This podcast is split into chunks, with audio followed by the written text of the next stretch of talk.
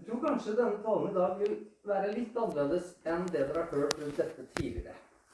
Jeg kommer til å dele det litt opp i noe menneskelig, og så avslutter vi med det litt mer guddommelige. Og så kommer vi helt til slutt tilbake igjen til vår rolle i det hele. Mange søndager nå så har vi sett på hva det er som gjør et menneske lykkelig. Skal vi se her Sånn, ja. Eh, og det starter jo med indre holdninger og forståelser som utvikler seg til stadig større ytre handlinger og forstyrrelser. Ja, dere hørte riktig. Jeg sa forstyrrelser. Det skal vi komme litt tilbake igjen til. Og fra begynnelsen så herska det fred. Tilstanden i eden var fredfull. Jeg bare tenkte på det. Hvis du ville ha den her, så kan du det. Eh, med tanke på opptakets kvalitet. Sånn, ja. Så i Eden så var det fredfullt. Menneskene var lykkelige. Og det var en fred som ble brutt ganske raskt ved at Adam og Eva ikke tok vare på det som ble gitt dem. Vi snakka forrige gang om at vi måtte ta vare på dette hjertet vårt, som, det nye hjertet som vi har fått. Og Adam og Eva helt klarte ikke å ta vare på det som var gitt dem. Og umiddelbart så blir altså freden brutt. Så begynte man å kjenne på en indre strid i hjertet. Og så tok det ikke veldig, veldig lang tid før denne indre striden begynte å manifestere seg, eller ble synlig også i det ytre. Og det vitner jo drapet på Abel på. Og siden den gang så har mennesket hatt en veldig sterk trang til å skape fred. Til å få orden. Til å få systemer som man kan stole på, osv. Og, så og det har man forsøkt på alle mulige tenkelige måter. Og det første store forsøket som vi kan lese om i Bibelen, i hvert fall, det synes å være byggingen av Babels tårn. Tanken her var jo at mennesker måtte komme sammen. De måtte samles, de måtte forenes under et felles mål og i et felles prosjekt. Og de skulle samles om en felles religion, en tilbedelse rundt noe som alle var enige om. Slik så kunne det bli fred, tenkte man. Og Problemet ved dette var jo selvsagt at ved å gjøre dette så synda faktisk hele menneskeheten mot Guds påbud om at de skulle spre seg og bli mange. Og de syndet også ved at de begynte å tilbe altså guder, alle mulige menneskeskapte guder, og ikke Herren den sanne Gud. Og man, mange vil mene da at all form for avgudsdyrkeri starta der i Babylon. Og at det er derfor dette bildet med Babylon også blir brukt helt til enden i Bibelen. Og Resultatet av denne første fredsbevegelsen, om du vil kalle det det, det var at Gud forvirra folkets språk. Han delte mennesker inn i 70 nasjoner som ble spredt over hele verden.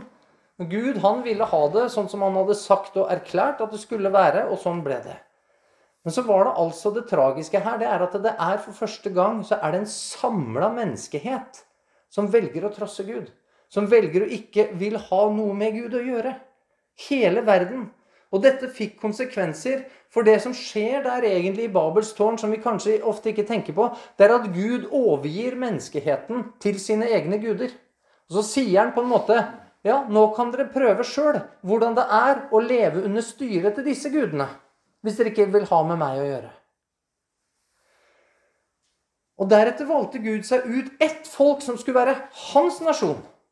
Og gjennom denne nasjonen så skal Gud altså velsigne alle stammer, folk og tungemål og nasjoner over hele verden. Og Siden dette så har mennesker forsøkt å skape fred på veldig mange måter. Noen har forsøkt for å, å isolere seg selv. Det, du, vi isolerer oss fra omverdenen. Da kan vi i hvert fall skape fred her hos oss. sant? Det er, det er, sånn man kan føle noen ganger, også i familien. Det er så mye rart der ute at nå, nå, bare Nå samler vi oss, i hvert fall. Sant? Enten det er vi i menigheten eller det er vi i kjernefamilien, så har vi det i hvert fall bra her. Så er det i hvert fall fred her. Og, og, og denne isolasjonsmåten, der har man gjort mye rart. Man har forsøkt etnisk rensing. Vi må få bort alt det der andre. Vi, vi må tvinge igjennom at alle har samme religion innafor disse grensene. Og samme kultur og, og samme lovverk ja, da blir det fred. Nei.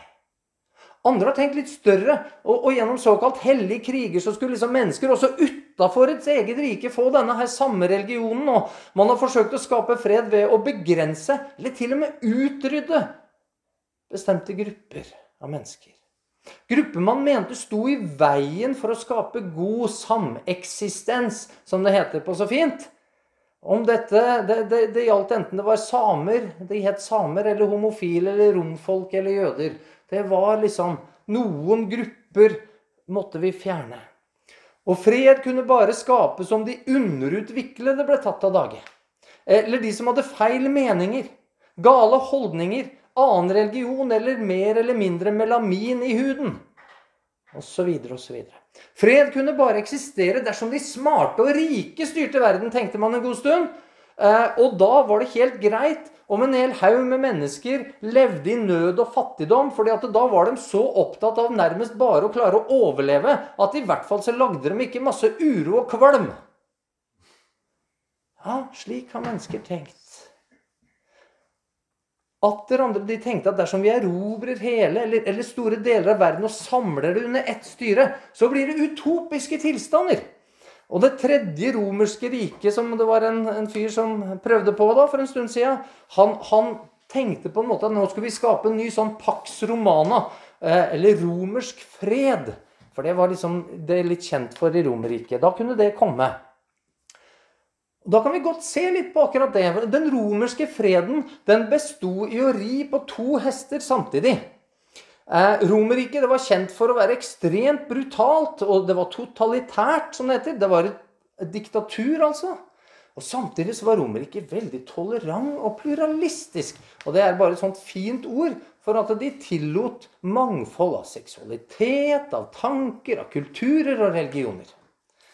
Og Samtidig så måtte det være noe som skulle samle alle menneskene. Og det var at en gang i året så måtte man gå og gi en mynt og ofre en mynt til Cæsar i hans tempel og utrope at Cæsar er herre. For dette var det felles som skulle samle alt dette pluralistiske og det tolerante. da. Så er jo spørsmålet hvor tolerante man egentlig var til sjuende og sist. Det kan vi kjenne igjen litt i vår tid også. For de kristne de nekta å anerkjenne noen annen herre enn Kristus. Og de hadde ikke toleranse for all mulig kultur eller all mulig form for seksualitet og livsførsel. Og Derfor så ble jo de ansett som uromakere. De forstyrret den romerske freden. Og det var jo derfor de endte opp i arenaene og, og, og ble drept og forfulgt.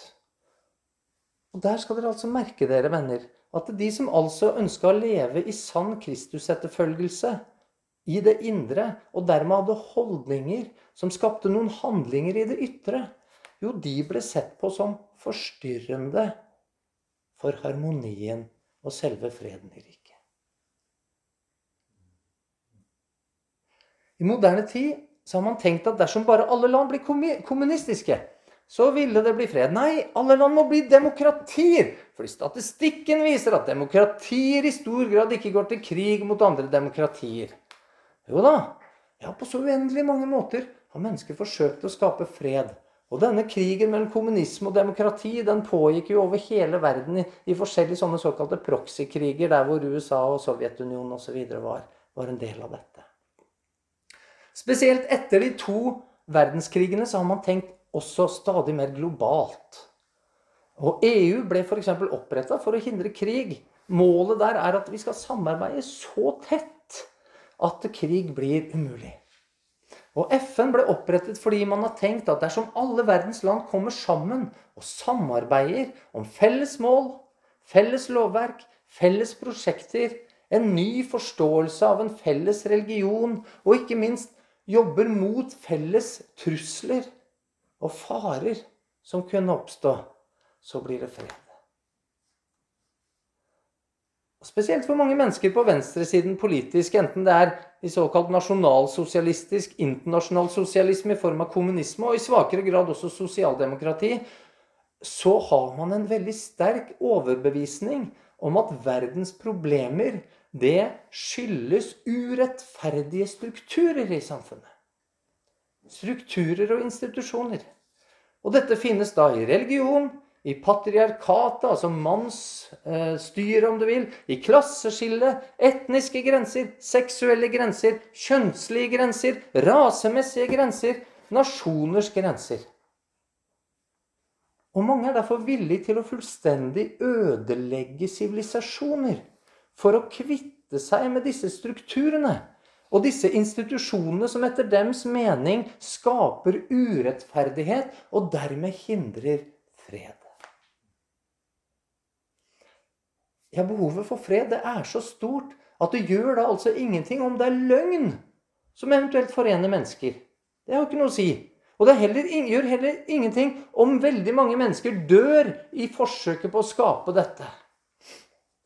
Og Siden mange har en virkelighetsforståelse og et verdensbilde som avviser Gud, og dermed at det fins en sannhet, noe som er sant, og menneskeverdi dermed ikke har noen fast størrelse eller klare grenser, så blir det veldig enkelt at disse tingene kan oppstå. Og Derfor skal man oppleve veldig store paradoks når du begynner å se på verden gjennom de som styrer på denne måten. Fordi enkelte mennesker kan altså være rasende på én institusjon fordi den institusjonen prøver å verne om det ufødte liv. Fordi den institusjonen anses som en del av et system som er urettferdig og skaper ufred, selv om denne institusjonen bare har forsøkt å gjøre godt. Og de samme menneskene kan sitte der og bare trekke på skuldrene om denne, dette kontoret til denne institusjonen blir vandalisert eller rasert eller satt i brann. Og om noen mennesker der blir skada, som jobber der, blir skada eller til og med dør, så utløser ikke akkurat de voldsomme reaksjoner. Og Derfor kan det altså bli opprør og internasjonale demonstrasjoner når en kriminell, rusavhengig svart mann dessverre drepes av politiet. Mens man trekker på skuldrene av opptøyene etterpå. Opptøyer som dreper mange flere. Også svarte mennesker.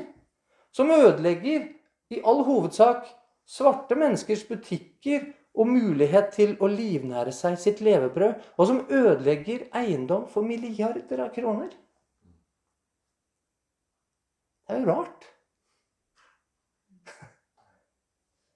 Så kan vi altså se at det går en tydelig linje mellom Babel og FN.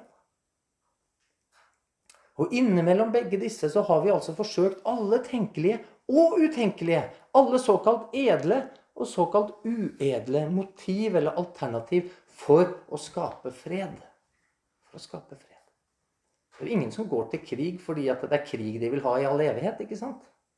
Nei, det er jo fordi man skal skape fred. Det er én ting som oppsummerer alle disse forsøkene, som jeg har prøvd å male litt ut for dere. Og det er at det har ikke vært én eneste dag med total fred på jorda. Ikke én! Noen gang. Men for all del, det har jo tross alt blitt fred mellom enkelte land og mellom noen grupper og mellom enkeltpersoner opp gjennom historien. Og de som arbeida utrettelig for dette, de må vel få noe igjen for det der. For du kan jo begynne å lure etter det jeg har sagt nå. Hvis det er så vanskelig å stifte fred, hvem i all verden kan da kalles Guds barn? Og nå har jeg liksom sett retta søkelyset da ut mot menneskers fredsinnsats.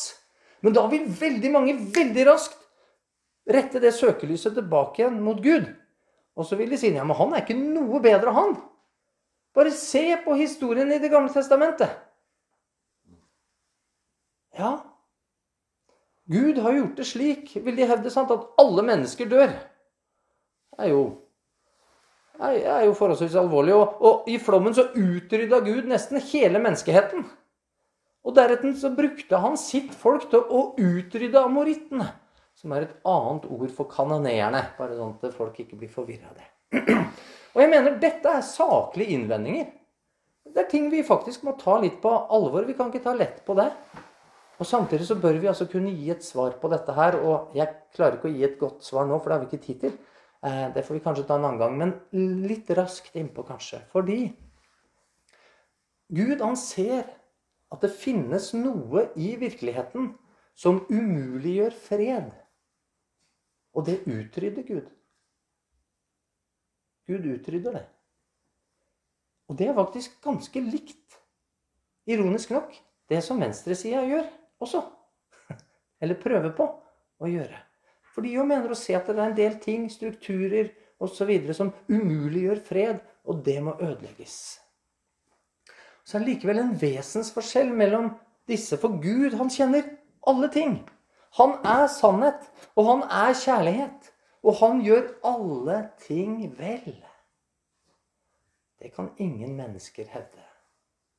Og syndefallet er en av disse tingene som umuliggjør fred, slik Gud ser det. Og med hele menneskets historie som vitne, og dersom vi er ærlige, så må vi gi Gud rett i det, må vi ikke?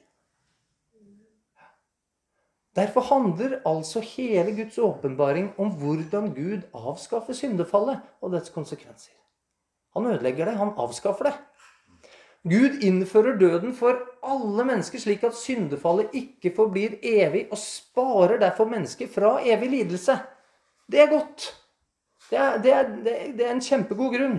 Og Dessuten så vet Gud at den fysiske døden er ikke endestasjon for noe menneske, fordi Jesus har overvunnet dødens makt. Og absolutt alle mennesker som noensinne har levd, vil oppstå igjen fra de døde. Og Før flommen så skjer det en urett gjennom handlingene til falne engler og mennesker som umuliggjør fred. Og derfor så utrydder Gud konsekvensen av dette, som fylte hele jorden med vold og ondskap. Og amorittene, da etterkommerne, etterkommerne etter Kanan, barnebarnet til Noah, blir beskrevet som å ha dette samme problemet som det vi ser før flommen.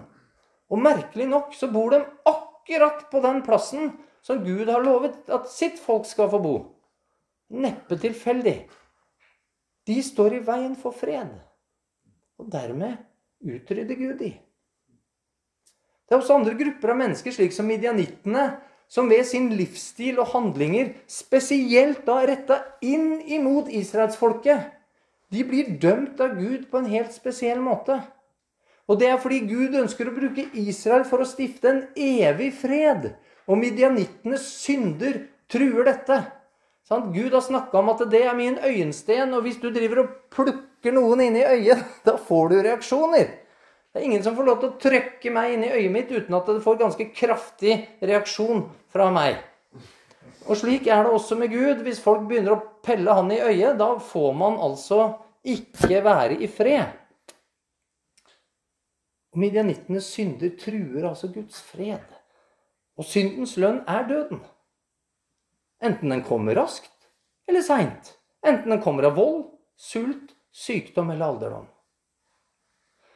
Så sier da Herren det er ingen fred for de ugudelige. Det fins ikke noe fred for de ugudelige. Jesaja 48. Gud rydder altså av veien alt det som kan ødelegge for den ultimate fred som han ønsker å gi til menneskene.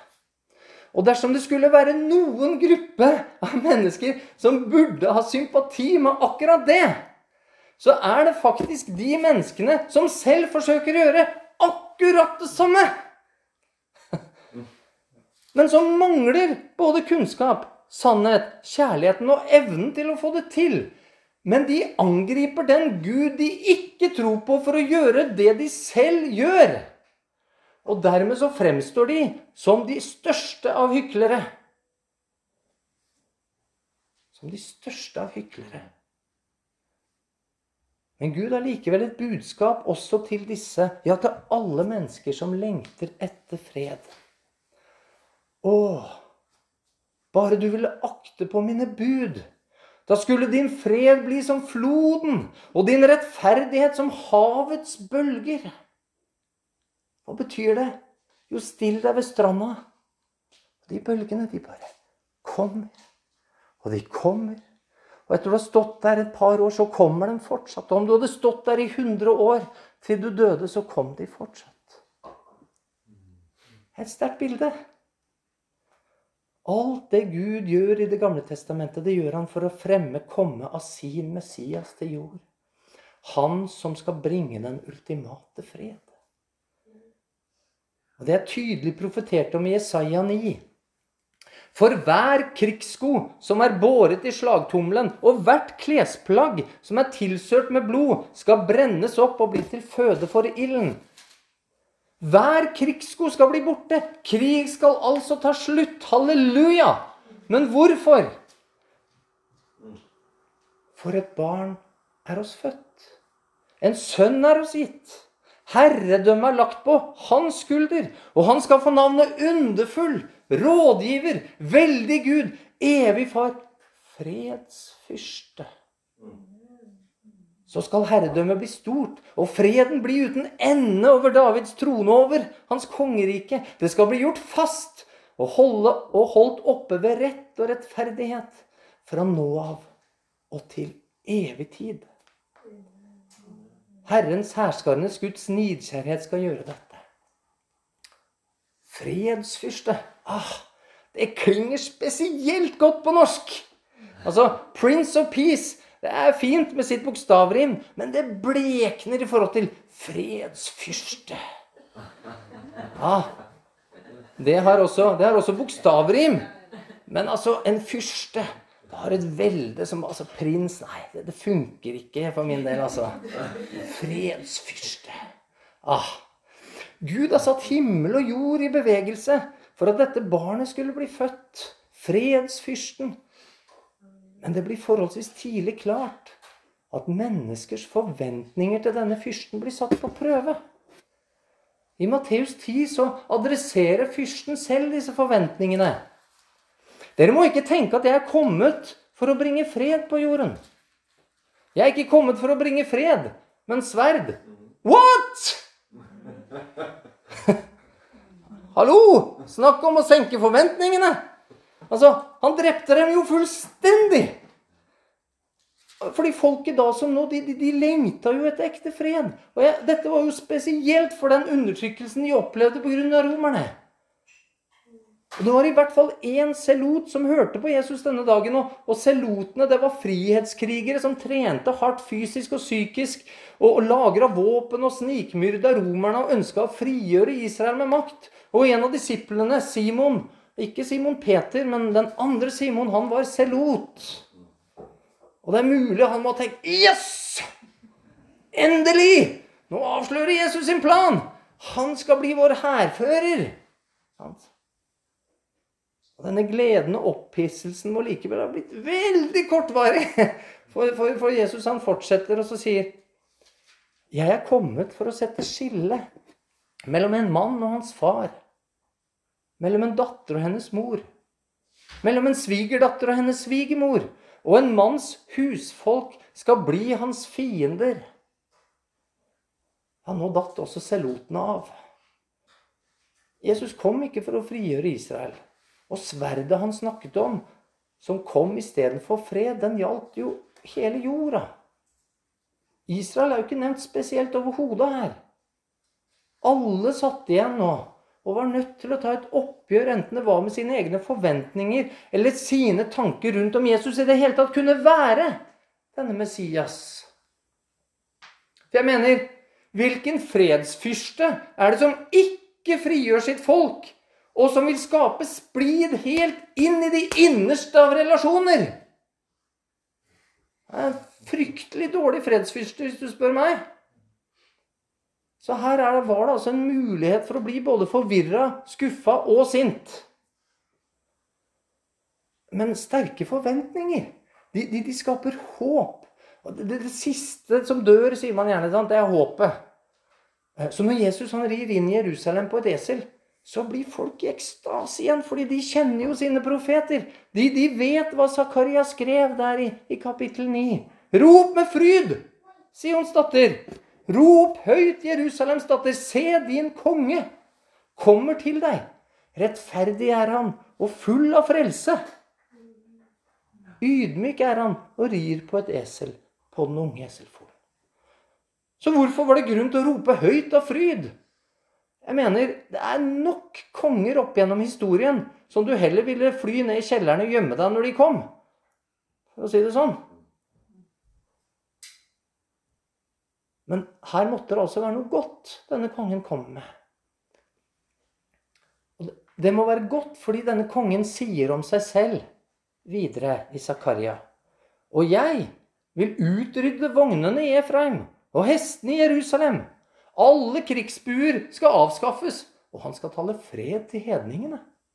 Hans herredømme skal nå fra hav til hav og fra elven og til jordens ender. Denne kongen skal skape fred, ikke bare i Efraim. Altså de ti stammene som brøt ut av kongeriket og danna sitt eget rike der oppe i nord. Nei, han skal også skape fred med Jerusalem, altså med Juda og med Benjamins stamme, de to som ble igjen der nede og lagde Sørriket. Han skal forene disse. Endelig skal vi komme sammen igjen. Og ikke nok med det. Han skal forene og skape fred mellom jødene, mellom Israel og alle hedningene. Ja, hele jorden skal underlegges herredømme til han som rir inn på dette eselet. Er ikke mulig å ta feil av det som står her. Det er klinkende klart. Endelig blir det fred! Folk er i ekstase, de jubler. Og noen dager etterpå så sier denne eselrytteren at 'mitt rike er ikke av denne verden'. Har Jesus holdt oss for narr hele tida? Folket blir rasende. Og Siden den gang så har mennesket selv forsøkt å skape fred, altså på alle mulige og umulige vis. Ja, selv Kirken har forsøkt å, å skape fred gjennom sitt samarbeid med konger og, og, myndigheter. Gjennom å tvinge folk til å begynne å tro, og, og gjennom hellige kriger og motreformasjoner og, og, du verden, eller om det ikke bare er inni vanlig menneskelig fredsmegling og osv. osv. Og alle synes de jo har glemt Guds ord fra Jesaja, som vi leste sammen nå nettopp. Som sier at freden kommer ikke gjennom mennesker. Hva sto det? Herrens, herskarenes Guds nidkjærhet skal gjøre dette. Skal skape fred på jorden også. Det er Gud selv som skal skape fred. Og på samme måte som i Det gamle testamentet så vil Gud også i tiden etter Jesu død og oppstandelse gjøre det ved å tilintetgjøre det som står i veien for den freden han vil skape. Ikke så mange som forkynner sånn om Gud. Men det er veldig tydelig allerede i profetis form ved David i Salme 110, som også er gjengitt i Apostlenes gjerninger kapittel 2, som vi skal lese fra. For David for ikke opp til himmelen. Nei, det var det jo Jesus som gjorde. Men David sier, Herren sa til min herre, Gud sa til Jesus, 'Sett deg ved min høyre hånd, til jeg får lagt dine fiender til skammel for dine føtter.' Vi leser det samme i Hebreerne, både i kapittel 1 og i kapittel, og i kapittel 10, hvor det står Men Jesus har båret fram ett eneste offer for synder, og har deretter for alltid satt seg ved Guds høyre hånd. Nå venter han bare på at hans fiender skal bli lagt til skammel for hans føtter. Hvem er det som ødelegger alle Jesu fiender? Jo, det er herskarenes Gud. Herren over alle englene. Engler der bare én av dem drepte 185 000 av soldatene i kong Sankerib sin hær. Det er hans nidkjærhet som gjør det. Det er Guds rett å gjøre det. Det er i Guds karakter å gjøre det. Fordi han har all kunnskap. Han er sannhet, han er rettferdighet, og han er kjærlighet til å gjøre det. Også med alle fiender av den sanne fred. Hvor mange ganger har ikke jeg hørt taler som snakker om hvordan vi som kristne må bidra til å skape fred i verden, eller en form for ytre fred? Hvorfor sier prester og forkynner det slikt når det er åpenbart noe ingen mennesker klarer å gjøre? Og vi har hele historien vår som bevis. Vi evner det ikke. Vi har ikke mulighet. Når hele historien vitner altså om at dette ikke fungerer, og det åpenbart ikke er min jobb engang. Det står ikke i den kristne stillingsbeskrivelsen 'gå ut og skap fred' i verden. Det gjør ikke det. Hvorfor sier prester og forkynner dette når selv fredsfyrsten sier at han ikke er kommet for å skape fred på jorden? Og så tror du at du skal gjøre det. Nei. Faderen sier, 'Dette er min jobb.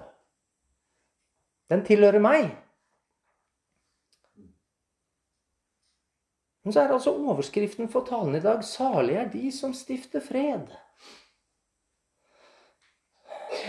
Hvor ofte vi glemmer, venner, at likeverd ikke betyr lik funksjon.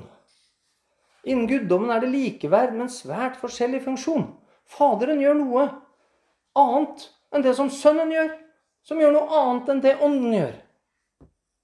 Men de har altså lik verdi. Slik er det også blant oss mennesker. Vi glemmer det både i forhold til Gud og vi glemmer det i forhold til oss selv. Men vi skal altså heldigvis slippe å gjøre det som er Faderen sin jobb. Takk Gud! Og heldigvis skal vi slippe å gjøre Sønnens jobb. Enda mer takk Gud. Og Den hellige ånds jobb skal vi slippe òg. Og hver gang vi prøver på det der, så gjør vi det stort sett bare verre. Vi gjør det alltid bare verre. Men vi skal altså stifte fred. Vi skal gå ut i all verden og stifte fred idet vi døper dem til Faderens, Sønnens og Den hellige ånds navn og lærer dem å holde alt det Han har befalt oss.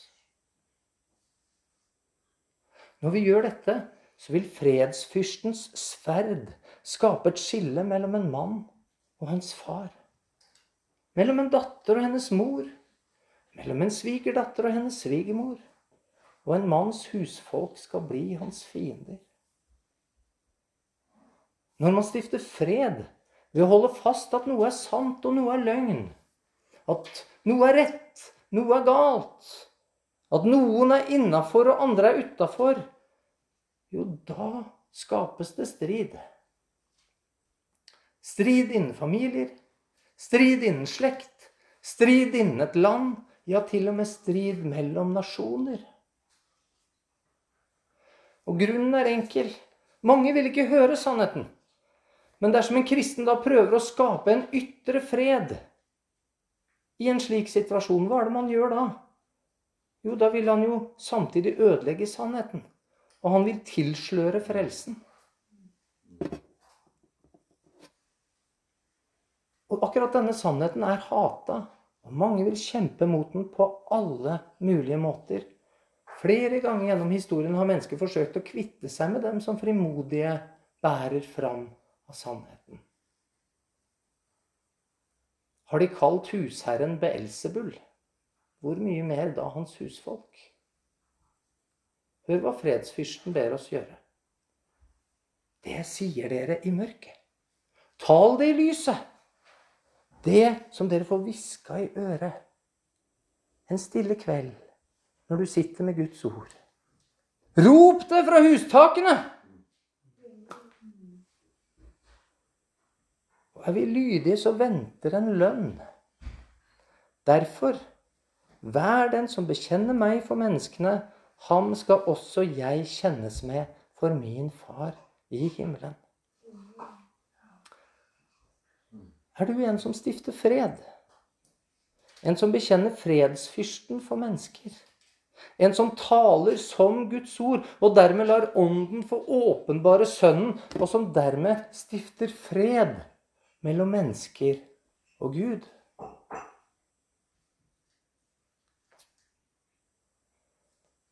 Det er bare den som er fattig i ånden, sørgende over synd, ydmyk overfor Gud og mennesker, som hungrer og tørster etter rettferdigheten. Ja, men som ikke tar saken i egne hender, men som vender det andre kinnet til. Som venter på Herren. Som viser barmhjertighet, og som har et rent hjerte. Det er bare den som kan stifte fred. Og er du en slik fredsstifter, så vil altså fredsfyrsten Fredsfyrsten bekjenne deg for sin far og du vil være lykkelig, for du vil kalles Guds barn. Kjære Herre, vi takker deg for ordet ditt. Vi takker deg for eh, at denne byrden kan bli løfta av. Det er ikke vår oppgave å skape fred i verden på den måten. Og alt det som vi trenger for å skape sann fred, det har du gitt, Herre. Og du har gitt oss gratis. Og du vil åpenbare det for enhver som ber deg om kunnskap. Og du vil gjøre det uten å bebreide noen, Herre. Og dette takker vi deg for. Og vi ber deg, Herre, om at denne freden som vi bærer i oss fra deg, at vi kan få lov til å spre den videre til mennesker som vi møter, både nært og fjernt, Herre. Det ber vi om i Jesu navn. Amen.